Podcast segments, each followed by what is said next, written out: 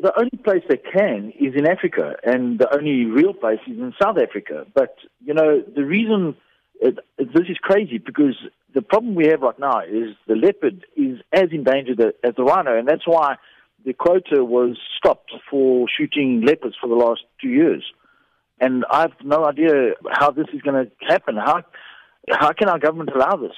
You know, the only way they're going to do it is poach it, like they're poaching leopards, like they poach rhinos at the moment. Hy sê meer as 1000 luiperds word per jaar in Suid-Afrika gestroop. We've got a major problem in this country right now because of non-specific snaring of animals.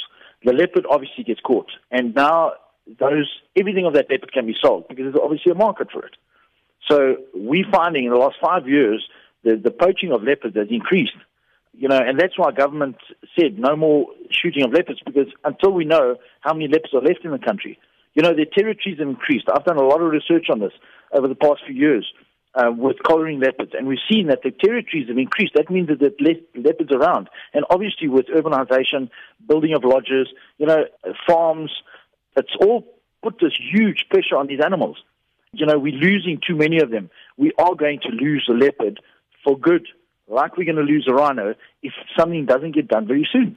Beringer sê omdat die luiperd so skugter is, maak dit die monitering van hulle bevolkingsgetalle baie moeilik. Die bewaring van luiperds is daarom ook nie 'n maklike taak nie. You know they're extremely elusive animals and it's very difficult and that's why nobody really knows how many are in the country. So you know to hand out quotas on shooting leopards is virtually impossible because we don't know how many are out there and I'm out there all the time and there are very very few of these animals left. You know, we see the same leopards all the time. And unfortunately, with leopards, you know, a female will only have three cubs. And out of those three cubs, only one cub has got a 50% chance of reaching adulthood or even reaching its first birthday. You know, that's the pressure these animals are under.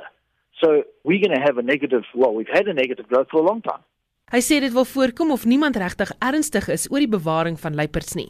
Beringer sê dalk moet Suid-Afrika soos Kenia ook die doodstraf voorstel vir stroopers wat gevang word. Well, obviously not, because you know this is absolute news for me, and I'm going to investigate it. But it just seems like people are just turning a blind eye. It's the same as a rhino. You know, nothing real is being done, mm. and you know, even if these people get caught, nothing really happens. You know, that that's the sad part. You know, it's a war that we're losing here because they're coming in and they're doing what they want, and you know, unfortunately, we don't have a law in this country that can actually deal with this. So, you know, they get minimum sentences, they get minimum fines and then they get off. You know, um, our jails are full. We can't keep these people, and this is the problem. So you know, uh, shooting poachers is the way to go. Look at Botswana, how successful they've been. Then you can actually put a. You're telling people to stop doing this.